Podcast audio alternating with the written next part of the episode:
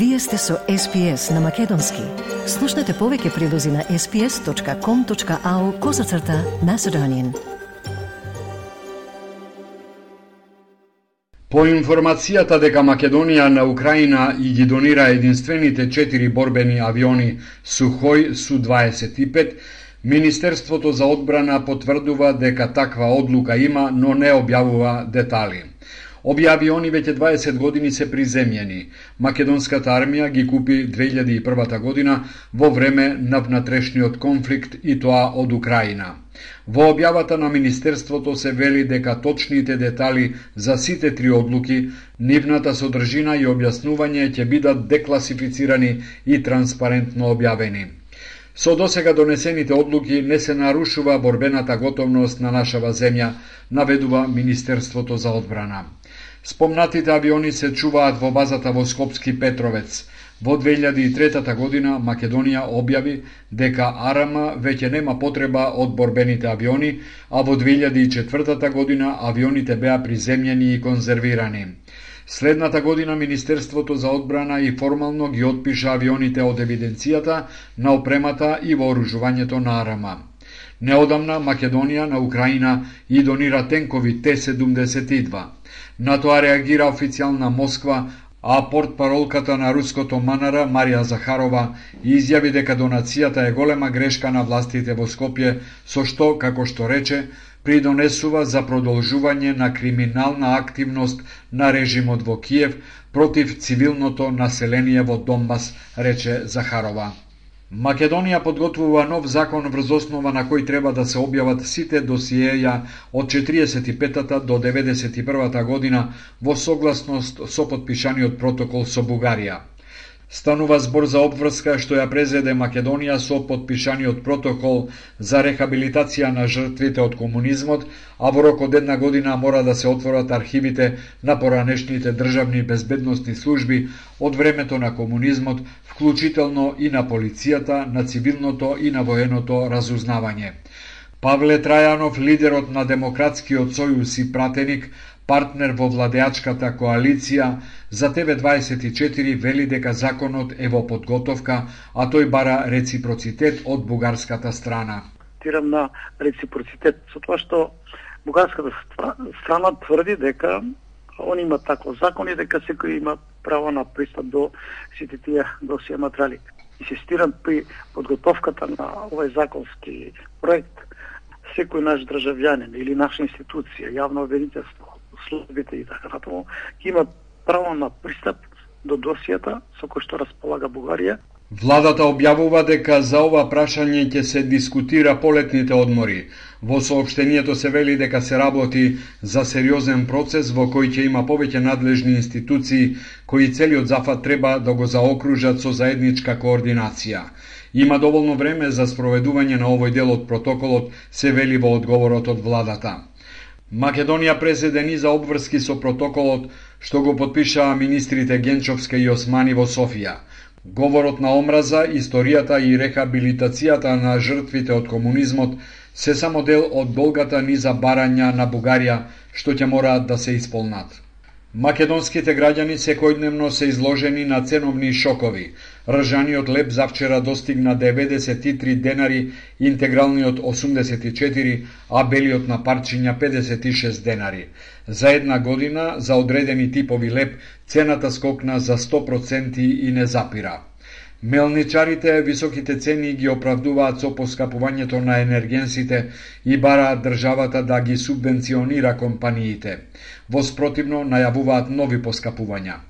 Од почетокот на годинава потрошувачката синдикална кошничка, што ги содржи основните прехранбени продукти и пијалаци за едно четиричлено семејство, сметките за комунали и трошоците за домот, за превоз, оддржување на здравјето, за набавка на необходните облека и обувки и минимум за култура и рекреација, поскапе за 3400 денари.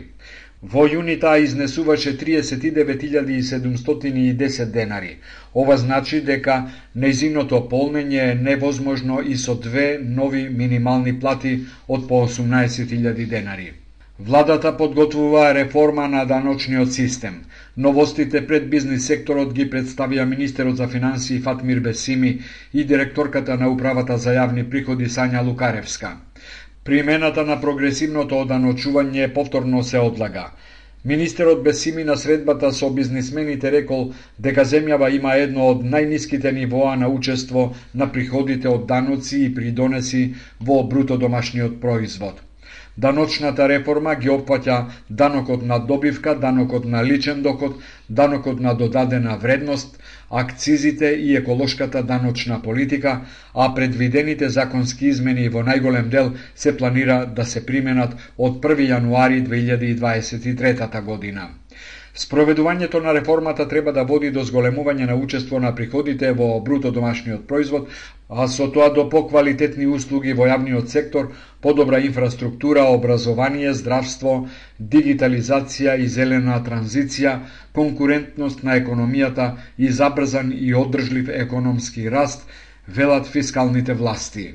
Со фламенго балетот Луксурија синоќа на сцената на античкиот театар Фестивалот Охридско лето го прослави 62-то фестивалско издание. Вчера селекторите на пресконференција изразија задоволство од развојот на овој наш најголем и најзначаен летен музички и театарски фестивал. Директорката на Охридското лето Наташа Попоска изјави. Тука на фестивалската сцена настапиле најзвучните имиња од светот на музиката и театарот.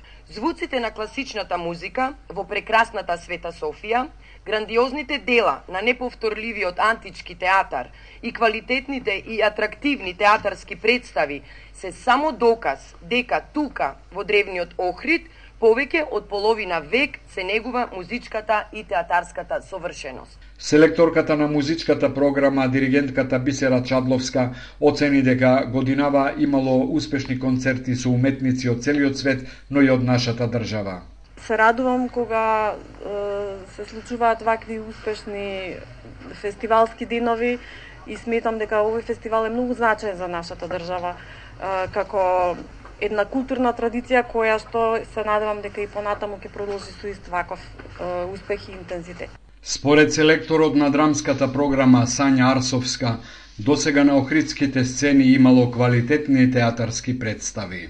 Охрид изминативе 20 на дена беше пристаниште на најдоброто дома, на квалитетни театарски представи, на микс на драмски стилови, сценски јазици, наративи со кои што покажавме дека театарската уметност дише, дише значајно, силно и здраво. Во останатите денови остануваат уште 4 театарски представи и неколку концерти. Министерството за култура годинава значително ги намали парите за реализација на меѓународната струмичка ликовна колонија, која годинава одбележува 59 години и е една од најстарите ликовни колонии во земјава.